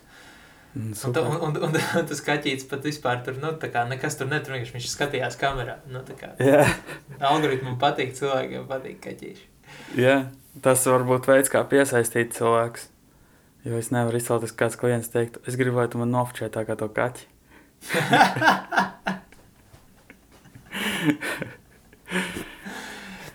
Bet jā, ir, ir storija, ir ļoti laba lieta un Instagram TV. Iesaku izmantot. Tur var ielikt garākas stāstus un paliekošākas. Man patika tavēji arī tie Instagram TV. Jā, Instagram TV tagad uh, viņam, viņam ir tas, ka beidz, beidzot viņi ļauj arī normāli skatīties horizontālos video. Jā. Ne tikai vertikālas. Nu, tas, protams, skaidrs, kāpēc tas tā notika. Droši vien vienkārši cilvēki tā, tā plūsma uz turieni nebija tik liela, kā sākumā plānots. Un, un, Jā. tomēr nu, tie, tas, tas vertikālais video ir tāds, te, teiksim, nu, diezgan šaura niša, varētu teikt. Un tad, nu jā, tagad tie, kas varbūt nezina un klausās, tad tagad Instagram TV var arī horizontālos video likt. Nu, jā, tas man liekas, tie, kas varbūt tās vairāk filmē, tad, un, un bieži vien ir tā, ka nu, tur nevar izlemt YouTube vai likt vai, vai, vai Instagramā. Tad jāskatās noteikti, varbūt tās tā auditorija, pieņemsim, ja tev Instagramā ir lielāka, varbūt tās, nu, tad tev jākoncentrējas tam. Un jāliek Instagram TV tās, tās epizodes. Jā, es sākumā, kad parādījās Instagram storija, es filmēju horizontālos stāstus un liku iekšā, un daudz cilvēku man sūdzējās. kāpēc man jāgriež? Jā, jā kāpēc man ir jāpagriež roka, lai paskatītos to video? Come on, man! jā, apgrūtinājums liels. Saprotu. jā, uh, tenī tāds ļoti populārs uh, jautājums. Uh, nu, man ļoti bieži maniem draugiem uzdod ļoti bieži šo jautājumu, kas ir tavā fotosomā, kādu tehniku tu izmanto savu bilžu iemūžināšanai. Nav, nav tev tāds jautājums rakstījuši cilvēki Instagramā vai, vai, vai Facebookā vai draugos? Jā, senākos laikos. Tagad es ne, nelieku tik daudz bildes uh, publiski. Kāpēc tā? Jo es... Atgriezīsimies pie jautājuma, kas ir tad, tad, nu, kāpēc, kāpēc tu neliec vairs eh, tik daudz bildes? Eh, jo šobrīd ir tā, ka man ir eh, pietiekoši daudz darba. Un, uh, un cilvēki ir tas tie mutvārdu ieteikumi, ko es minēju. Mm -hmm. Un tāpēc es nereklamējos vai noslogot sev vēl vairāk. Kā, ka es nevēlos noslogot sev vairāk nekā tas ir nepieciešams šobrīd. Un tāpēc man nav tāda vajadzība reklamēties. Okay. Jā, nu, nu atgriežoties pie jautājuma par to tehniku, Izstāst, kas, kas, kas ir tavā fotogrāfa arsenālā? Kādu tehniku tu izmanto? Man ir, man ir principā, man ir kanons 5D, otrais. Man ļoti patīk tās krāsas un tā sajūta, ko viņš taisa. Un man ir Sigmas 50 mm ārta objektīvs, kas ir man pa pamattehnika. Tas, ar to es tagad lielākoties visu fotografēju, ar to kombināciju. Ok, un ko tu vari izstāstīt par Fujifilmu? Fujifilm ir, uh, Fujifilm ir cits stāsts, jā. Uh, bija tāds moments, kad es strādāju ofisā, un tas bija, tur bija ļoti forša vide un brīnišķīgs kolektīvs. Un es biju iegrimis tādā tehniskā kaut kādā pasaulē, kur, kur uh, ne, nejūtu tik, tik kreatīvo tādu uh, ne, nebija tāds kreatīvais drives uz to brīdi, un uh, man sāka apnikt fotografēt. Es gribēju paņemt līdzi, telefonos vēl nebija tik labas kameras, un tas, tas, tas nebija pietiekoši labi maniem standartiem. Es gribēju labākas bildes, un es gribēju viņas uh, visur, kur es eju. Un tad man bija Canon 40D ar kaut kādiem četriem objektīviem. Un, uh, un uh, man bija līdzi visur mugursoma vai pleca soma. Ar, nezinu, cik tur sanāk tas svars, kam ir mazāka nozīme, bet tas, ka man tā soma visur bija jāpieskata. Jo es nevarēju, nevarēju vienkārši viņu tur atstāt kaut kur, nezinu, tusņā kaut kādā malā, kāds var uzsēsties virsū, uzkāpt nejauši. Vai viņa var, viņai var pieaugt kājas kādā pasākumā. un, tā, gadās, jā. Un, um, Un uh, tad, es, tad jā, man sāk, uzsāk, sāk tāds, sākās tāds nogurums lielais no fotografēšanas. Sāku negribēt vairs fotografēt vispār, ja, ja man nav tas tā kamera, kad es viņu gribu. Uh, vai ir tās nērtības, kas radās ar to, ka es visur gribēju tos četrus objektīvus līdzi. un, tad, un tad parādījās Fujifilm X100. Uh, iznāca, ko es principā paņēmu šodien līdzi lai atcerētos šo stāstu un par to visu. Un, Tev ir oriģinālais X100. Jā, man ir oriģinālais pirmais X100, kas iznāca. Es neatceros, kurā gadā tas bija. Es arī neatceros. Bet uh, man radās iespēja principā, viņu iegādāties pēc tam, kad viņš iznāca. Un es notirgoju daudz ko no pārējās tās tehnikas, kas man bija, lai es viņu varētu nopirkt. Jo viņš nebija lēts priekš tā laika standartiem. Un, uh, un man tā brīdī likās, ka es vispār tā kā vairs negribu fotografēt. Un tad es dabūju X100, un, un uh, viņš ir maziņš, un uh, es viņu varu visur paņemt līdzi. Vienkārši uzmest kaklā zem jakas vai vasarā pārmest pār plecu, kaut vai ar riteni braucot vai skrizisudām. Uh, viņš ir viegls, jā. Un ar viņam, viņam ir superīga attēla kvalitāte un krāsas un toņi. Un tas atsāka manu mīlestību pret fotografiju, principā, šī kamera. Es tā, tā es atsāku, un tā es kļuvu par to, kas es esmu šodien. Principā. Labi, pateicoties uh, Fujifilm. tam, ka Fujifilm, uztaisīja X100, jā, paldies Fujifilm Latvijai arī par atbalstu šo gadu laikā. Uh, un uh, no filmiņu kamerām man šobrīd ir vienīgā, kas ir palikusi, ir uh, Fuji uh, Instax 210. Kā, kā tev vispār tās Instagram kameras? Nu, šobrīd ir tā, ka tas, tā, tas viss nāk tik ļoti modē atkal. Šīs te, kā viss viņas par polaroīdiem sauc, bet yeah. tie nav polaroīdi. Polaroīdi ir cits brands, un, bet, nu, princips līdzīgs. Kāds tavs domas vispār par, par, par tām kamerām ir? Jā, man ļoti patīk tās krāsas un tā sajūta ko tās filmas rada. Un man ļoti patīk tas, ka tā bilde attīstās uzreiz, principā drīz, drīzumā. un viņu var ieraudzīt. Un tas bija, kad uh, viņa parādījās, kad, kad es par viņu uzzināju, principā, un es viņu dabūju, un es sāku viņu lietot ikdienā. Piemēram, es fotografēju vecmēta ballīti ar digitālo kameru, un es nofotografēju trīs bildes ar to Fujifilmu kameru un ar, ar Instax.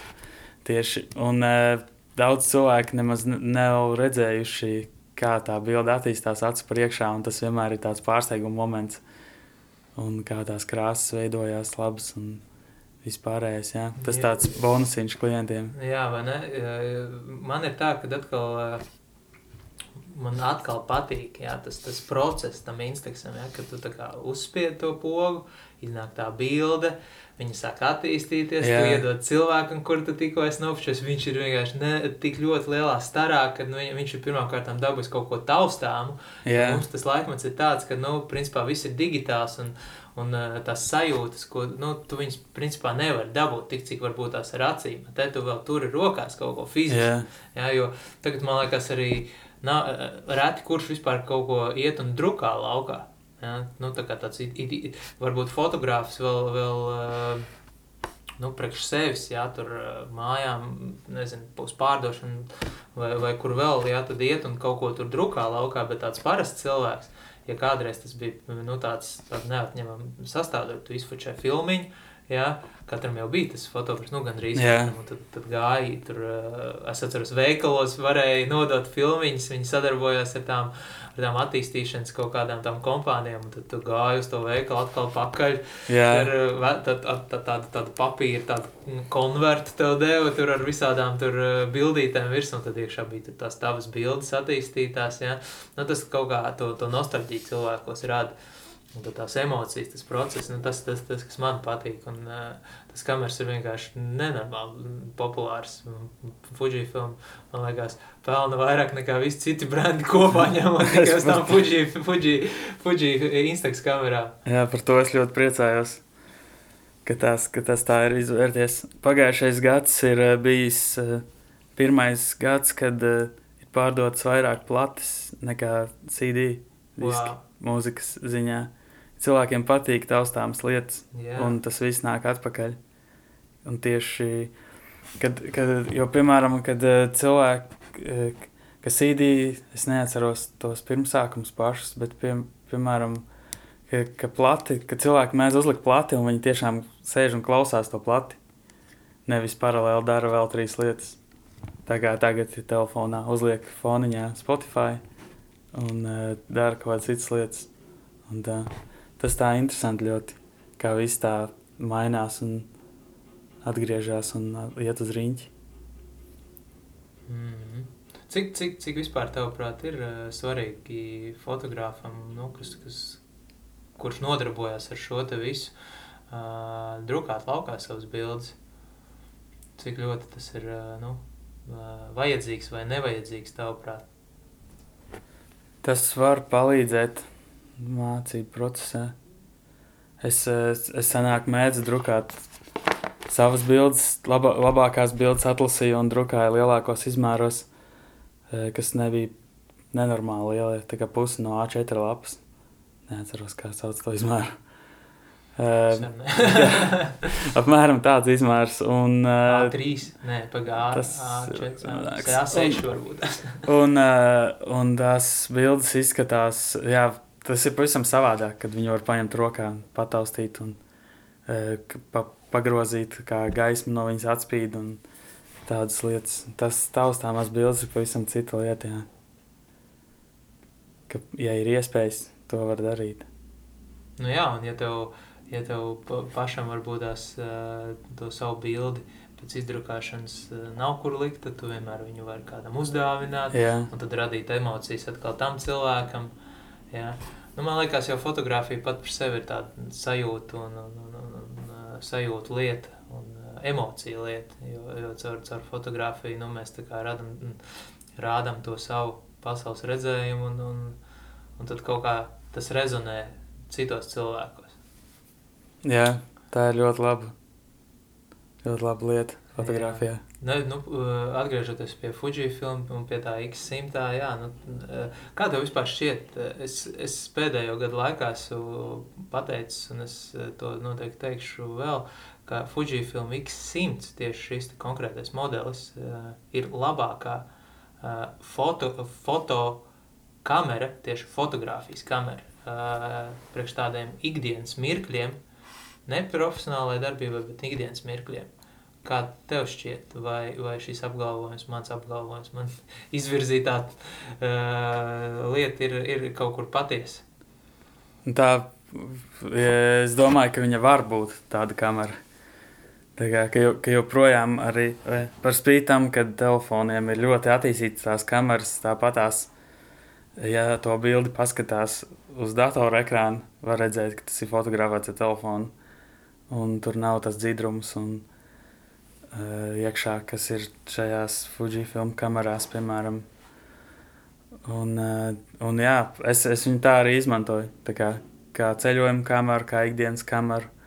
Jā, tāpēc, nu, uh, ja man kāds jautā, kādu kameru lai iegādājās, protams, viss ir atkarīgs no tā tava mērķa. Jā, ja, Jā. tās, ja tā ir profesionāla darbība, nu, tad tur citādāk. Bet, ja tev nepieciešama kamera savu ikdienas mirkļu iemūžināšanai, jā, tad, tad uh, Fujifilm, tā X100 tieši, manuprāt, ir labākā foto, fotokamera. Ja? Mēs nerunājam šobrīd par video, video lietām un tā tālāk. Tieši fotografijai. Jā, fo, ar Fuji X100 fotografējot, man ir vairāk sajūta, kā fotografēt ar filmu kameru. Jā, nu tur, tur, tur redz, tur tā vispār par Fujifilm kamerām mēs tagad bišku reklāmu uztaisīsim, bet vienkārši par viņu gribās runāt. Un nav, un nav, arī, nav arī kauns runāt, jo, jo tās ir foršas kameras, ne tikai X100, bet arī visas pārējās, kas viņiem ir. Un tā filozofija brenda ir ļoti tāda, nu, tuva, varbūt tās, ja, un visi tie kameru lietotāji ir tādi ļoti, nu, ļoti interesants personības, visi, vi, vi, tā ir tāda komūna savu veidu, kas ir izveidojusies apkārt šīm kamerām. Jā.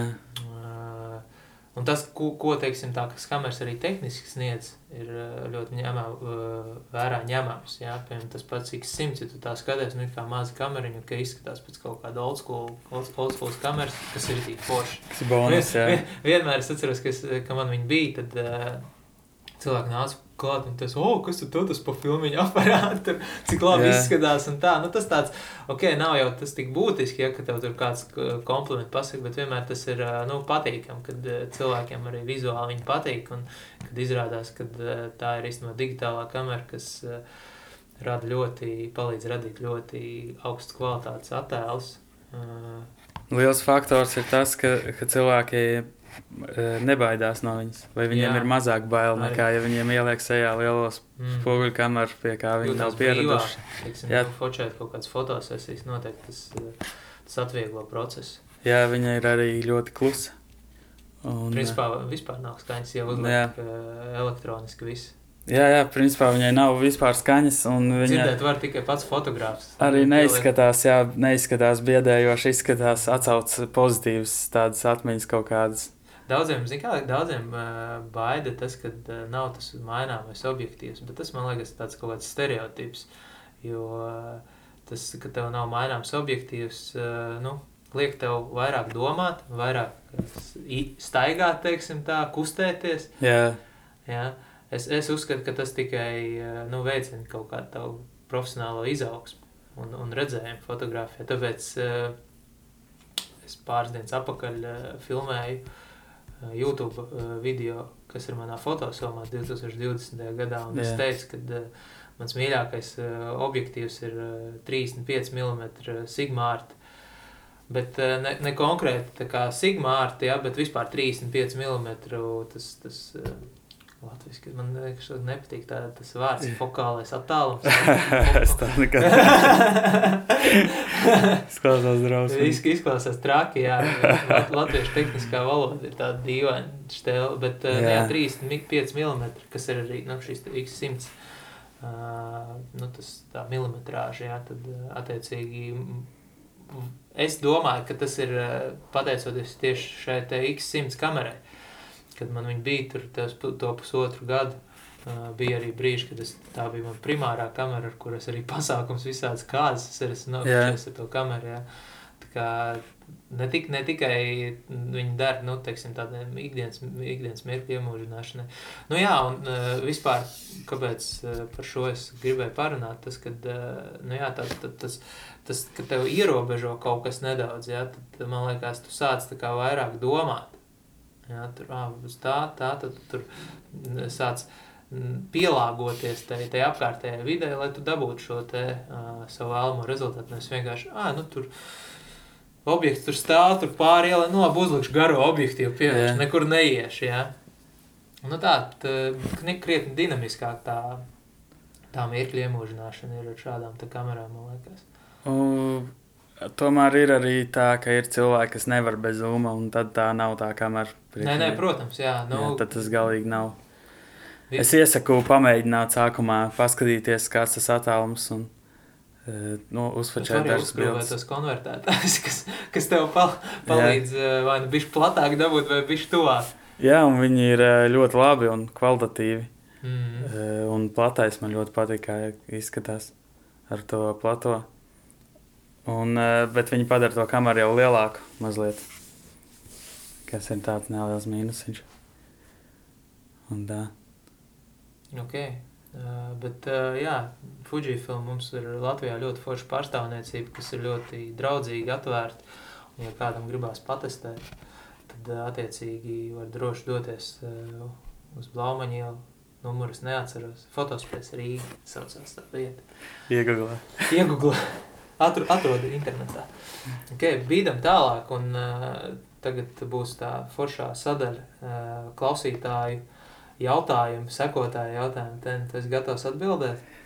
Jā. Pirmkārt, jau paldies visiem, kas uh, iesūtīja šos te jautājumus. Uh, apstīsimies vēl, varbūt tas vēl kāds te ir pievienojies. Okay. Uh, tā tad tā, sāksim uzreiz ar pirmo jautājumu. Uh, un pirmo jautājumu uzdod Katrīna Dimanta. Čau, Oh, Katrīna. čau, Katrīna. Teni, vai fotografējot, tu baudi procesu? Tāds ir jautājums no Katrīnas. Čau, Katrīna. Čau, Katrīna. Paldies par jautājumu. ļoti labs jautājums. Jā, es, eh, jā, tā ir tāda, tāda arī, tā var būt arī tāda meditācija. Vai ne? Tā ir Jā, sava veida meditācija, noteikti, fotografēšana. Jā. Ir, ir, ir, man, piemēram, ir brīži, kad es vispār esmu fotografējis, pilnībā atslēdzos. Nu, tas tā kā es nezinu, iedzert, uh, piedzerties savā ziņā. Nu, varbūt nav labs piemērs, bet, nu, respektīvi, tad, kad uh, Bet, tu, tā kā tu aizmirsties, tu esi tajā procesā, tu esi tajā Jā. brīdī, laikā, tu esi šeit, uh, tu baudi to, to visu, to attēlu. Jā, attēlu, bildēšanas to procesu un jā, atslēdzies no visa. Ja es fotografēju jā, koncertu vai pasākumu, es principā esmu, es ne, ne, neesmu, neredzu to koncertu vai pasākumu pilnībā. Jo es domāju par eh, to, kāds izskatīsies un iztēlojos visu to. Un tas ir, ir tas azarts arī, jā, dabūt eh, to, ko, dabūt to, lai tas izstāsta, kā es to iztēlojos, kā es gribētu, lai tas izskatās. Kāda man ir sajūta tajā brīdī, kad es fotografēju. Mm -hmm. nu, jā, uh, pa- runājot par koncertiem, man, man ir uh, līdzīgi uh, nu, ar maniem draugiem no grupas Franko Franko. Uh, man ir ļoti daudz sanāca viņiem fotografēt šos koncertus, un, protams, nu, pēc koncerta man vienmēr jautā, nu, kā tad mēs nospēlējām un tā. Mm -hmm. Un es, es īsti nu, nevaru atbildēt, jo es vispār nu, tā kā es kaut ko es dzirdu, bet pārsvarā jau es uh, koncentrējos tam un domāju par to tieši tā, kā tas izskatīsies, kādu mirkli gribās noķert. Nu, tā kā, un, uz, un, un tad tas, tas koncerts paliek tā kā otrā plānā. Bet tas ir tas, ja, ka mēs iegrimstam tajā, tajā savā tajā pasaulē un atslēdzamies no tā visa. Kad uh, podkāsts būs online? Mm, nu, droši vien, ka šovakar. Ok, jā. Katrīna piedalās Eirovīzijā, Supernovā. Yeah! Tā kā 8. februārī balsojot par Katrīnu Dimantu. Ļoti superīga dziesma arī. Super. Uh, veiksmi Katrīnai Supernovā. Jā. Es būšu tur uz vietas, skatīšos publikā. Yes. Ok. Uh, es ceru, ka mēs atbildējām uz to jautājumu, Katrīna. Tālāk, uh, nākamais jautājums no lietotāja ar Niku Matīs Rē ar diviem e-burtiem. Top GoPro satura veidošanas noteik, ieteikumi no tevis. Ten tu kādreiz ar GoPro ļoti daudz uh, strādāji, darbojies, filmēji, fočēji. Jā. Kāda ir tava ieteikuma? Uh, ja, jaunai, jaunajiem GoPro es redzēju, ka stabilizators ir ļoti labs, iebūvēts. Un, uh, ja nav tas stabilizators, ja ir, ja ir vecāks GoPro, tad uh, es varu ieteikt pirmo to accessoru vai dabūt to skorpionu astes izskata tādu statīvu, kur ir tā kā turētais, viņš ir kā C veidā. Okay, jā. tā kā C-shaped, C-shaped stand var AliExpressā ierakstīt. Uh, Tagad ar... runā, ka vairs no AliExpress nevar pasūtīt. neko nesūta koronavīrus uh, ietekmē. Nesūta uz Latviju neko. Bet, uh, nu... Jā, es nezinu, var, var arī nopirkt Latvijas veikalos noteikti. Tādas lietas. Un tā, tas, tas ir ļoti labs, ko var izmantot. Ar viņu var tikt ļoti zemu. Uh, piemēram, filmējot skateboardu vai snowboardu inline, tādas lietas. Un tā, jā, ka GoPro tā aplikācija telefoniem izskatās, ka uz viņas var labi saeditēt visu kaut ko. Es viņu tagad mēģināju jauno, es viņu biju lejupielādējis, bet viņi man neļāva ielikt kaut, kādas, kaut kādu formātu video, kas man bija. Tad Jo tad, tad, tad tajā dienā es nebiju filmējis ar GoPro. Ah, okay.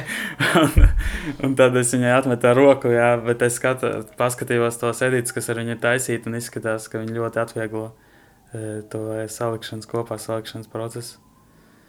Un tā. Jā, GoPro ļoti laba kamera.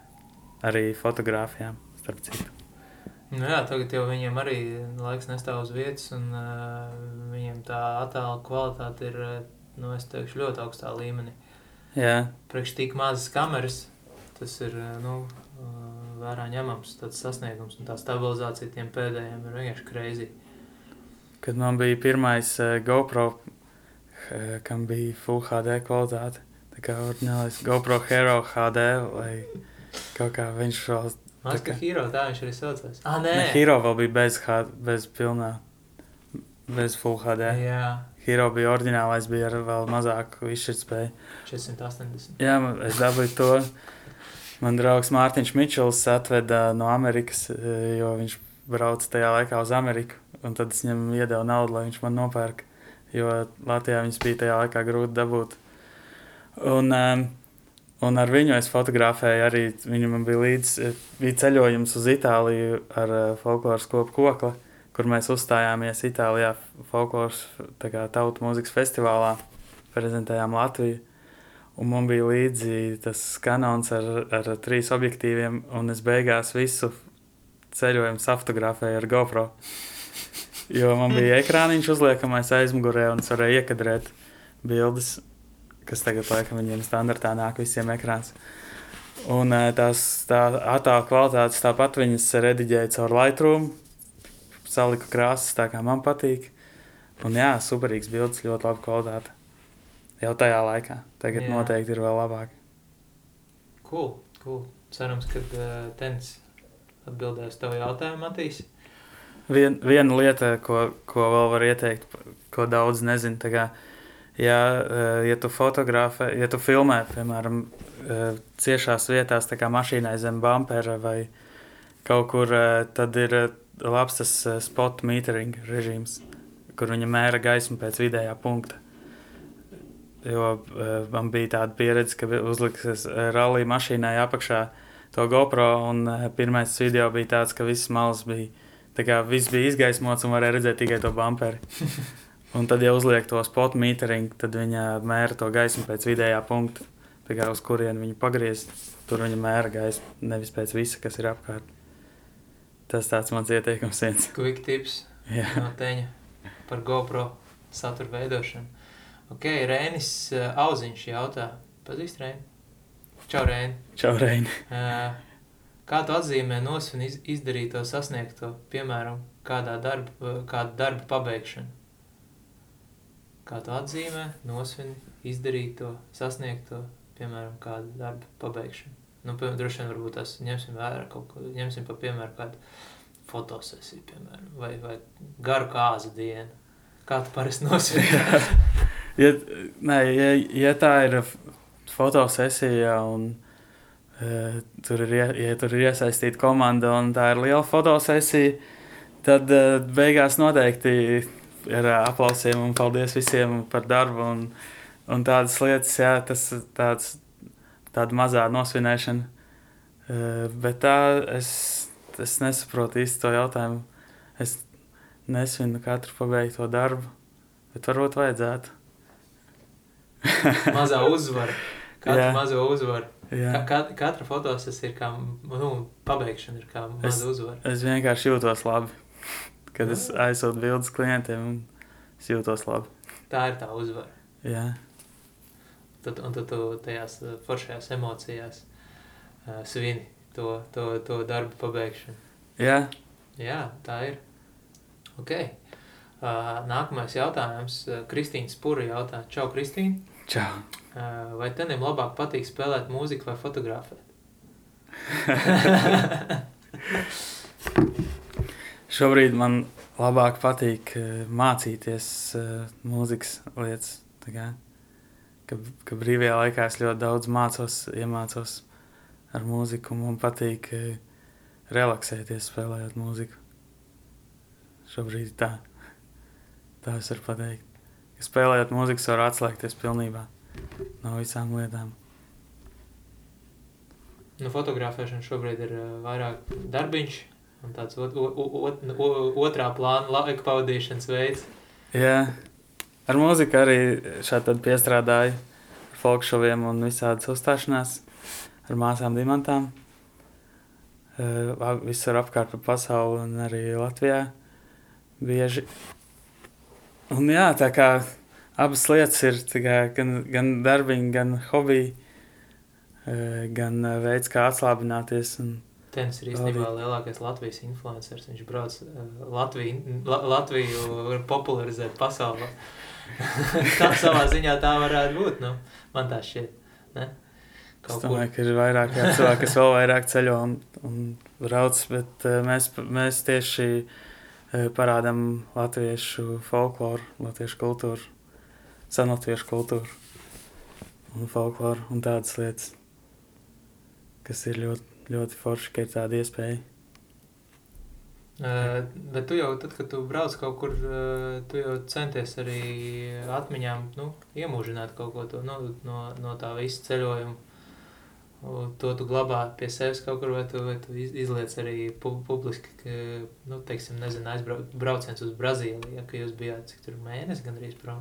Jā, pirmajā Daudz reizē. bildes Mēs... Uh, jā, man bija līdzi Fujifilm X100. Yeah!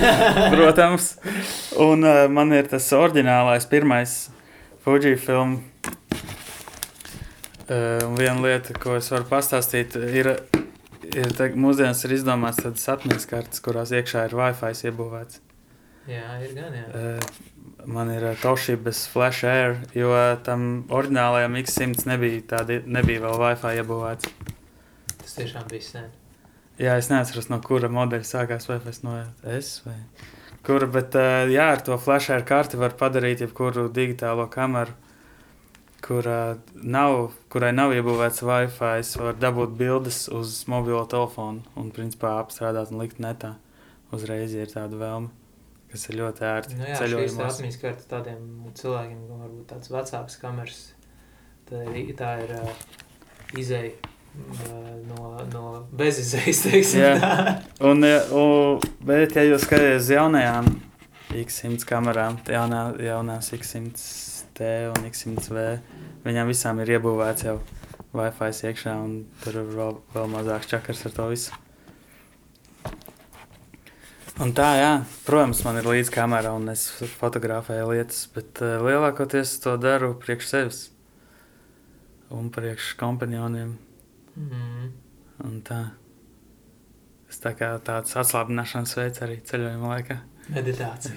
Jā. Meditācija. Labs.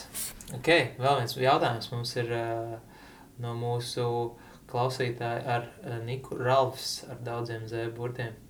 Čau, Ralf. Uh, ten, kāds ir tavs mīļākais objektīvs?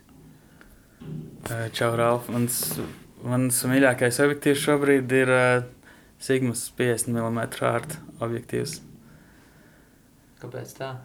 Man ļoti patīk tas, jā, es iz- iztestēju visus kā, iespējamos objektīvus, ko, ko vien varēja dabūt no, ko varēja visādas pircis par šiem gadiem aizņēmies. Ļoti daudz, jā, liela iespēja bija ar visiem objektīviem iepazīties pateicoties fotoīrai, fotoīra.lv.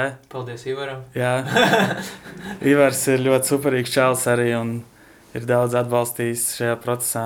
Un, eh, un tad es eh, atklāju to, ja pirms tam man gribējās visādus eh, krūtos objektīvus un dārgā galva likās, kā, ka ta- tas, tas būs tas, kas pacels un būs labāka attēla kvalitāte un viss iztīsies daudz labāk un foršāk. Es gribēju nodrošināt maksimāli, lai izskatās, lai izskatās maksimāli, kā es redzu bildes, kā to līmeni, kādā es gribētu būt, kā žurnālos un kā internetā. Un, ko izmanto, un tad man bija tā iespēja izmēģināt visu, un es sapratu, ka tas viss ir vairāk galvā un, un prasmēs, un, un tajā, kā e, ieraudzīt, e, kā, kā, kā ieraudzīt būt tajā vietā, un ļoti daudz ir atkarīgs no gaismas.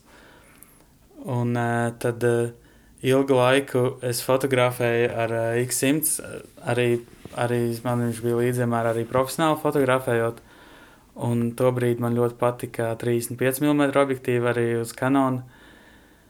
Un uh, tad bija kāds laiks, es kādu ilgu laiku fotografēju ar to 35 nieku. Un uh, tad es sapratu, ka es gribu pamēģināt 50 mm. Jo tā ir tāda seno laiku klasika, 50 mm no filmu laikiem. Daudz senie meistari ir fotografējuši ar 50 nieku. Un, uh, Un Sigmai ārā sērijai, kas ir ļoti brīnišķīga, tā izšķirtspēja, tas dzidrums.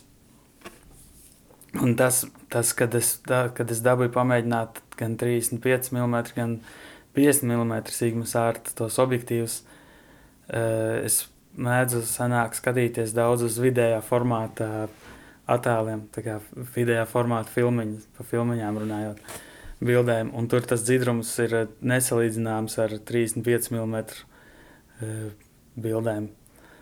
Un, un tas izskats un tā sajūta, kā tas fons izplūst. Tad tā, šī ārcērija ir vistuvākais tai sajūtai, kādu es esmu atradis fotografējot. Tieši atvērtu uz F1.4, kad man ļoti patīk fotografēt uz 1.4 pilnībā atvērtu objektīvu un lai viss fons smuki plūst. Un jā, kad, kad tas, tas, ko es gribu, lai rasumā ir super asa un pārējais ir super izplūdes. Un tā, to, to sajūtu es varu dabūt ar, to, ar šo Sigmas 50 mm objektīvu. Tagad. Tas ir tas, ko tu no manis nopirki. jā, tas, tas pats, ko es no tevis nopirku. Ļoti labi. Uh, ok, ok, forši. Uh, nu, es ceru, Ralf, ka mēs atbildējām uz tavu jautājumu. Un, jā, un full frames ir tā, tā ir vēl viena lieta, kas ir saistīts ar to. Nu, jā, jā. Un tā. Uh, paldies visiem jautājumu iesūtītājiem šajā podkāstā. Uh, bet mēs bijām tālāk. Ten, kāda ir tava nākotnes plāna saistībā ar fotografiju? Vai tāda ir? Vai arī tu nodosies pilnībā mūzikai? Šobrīd ļoti patīk tas, ko es daru. Un ir brīnišķīgs kolektīvs Northern Gripā. Jā. Es gribēju pateikt, ka Instagrams ir athē Northern Grip, tā kā Z Northern Grip.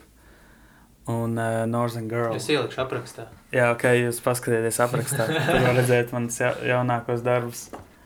Uh, tos, kurus var publiski redzēt. Jo tos, ko es sūtu cilvēkiem, tos var viņu profilos redzēt. Un, uh, um, un jā, tad uh, principā mēs tur attīstāmies un augam un uh, ir uh, jauni izaicinājumi un, un, un uh, daudz idejas, kā visu padarīt interesantāk un, un vēl foršāk, lai tas izskatās viss un ielikt iekšā to sajūtu. Uh, tā ir tā viena lieta. Otra lieta ir mūzikas lieta, uh, ko es daru paralēli un uh, kur drīzumā būs, šogad būs kādi jaunumi. nāks ārā Būs kāds albums. dziesmas no manis. Parā, sāks parādīties, es jau esmu dažas ierakstījis. Uh, dziesmas, un viņas gaida īsto momentu, kad parādīties tautā. Labs. Forši. Tad jau gaidām mu, mu, muzikālu priekš, muzikāls priekšnesums un skaņdarbs no teņa. Jā, ka es plānoju sav, savienot mūziku ar fotografiju. Un šobrīd tas tā, lai paliek un attīstās abi kopā. Un tā, es domāju, es varbūt pavasarī uztais, uztaisīt kādu, eh, kādas, uztaisīt kādas portretu fotosesijas, uztaisīt kādu sēriju jaunu, jo es kādu laiku neesmu, eh, kādu laiku neesmu to tā at, atvērti. Tā kā, ka, ka ir doma, tagad sekojiet līdzi, varbūt Instagramā parādīsies kāds info. Un uh, cilvēki varēs pie manis fotografēties arī, ka, kas nav ikdienā saistīti ar to, ar mani. Un tā. tā kā jā, Sakojiet tenim Instagramā. jā. Uh, Facebookā varbūt tās. Laikam. At TNSD. Jā. Facebook man patīk izmantot uh, sarakstē. Messengeri. Un arī Instagram uh, messengeri tagad, bet Facebookā vairāk kā klienti raksta. Tas ir, ir lielākā daļa no Facebook, ko es izmantoju. Paldies. Paldies Jā. par atbildi. Tenī noslēgumam uh, es tev pajautāšu. Drīzāk ne pajautāšu, bet es gribu dzirdēt, tā, ko tu ieteiktu, teiksim, uh, jaunajiem fotogrāfiem, varbūt tās arī netik jaunajiem fotogrāfiem, uh, kā attīstīties, kā augt, uh, un, un, un, un teiksim, gads ir, nu, tik tikko sāc, sācies uh, kaut kāds, kaut kāds labs vārds pateikt uh, mūsu klausītājiem, jaunajiem censoņiem, kā, kā, kā turpināt, kā neapstāties, kur rast iedvesmu. Noteikti eh, sarunas laikā jau bija kaut kādas lietas, bet varbūt tas kaut ko tādu, nu tādu konkrēti. Jā, konkrēti tagad, ir, tagad nāk eh, superīgs. Jau tagad ir laba gaisma ziemā. Viņa no, ir baltāka nekā vasarā. Man, es tā uzskatu, es viņu tā redzu.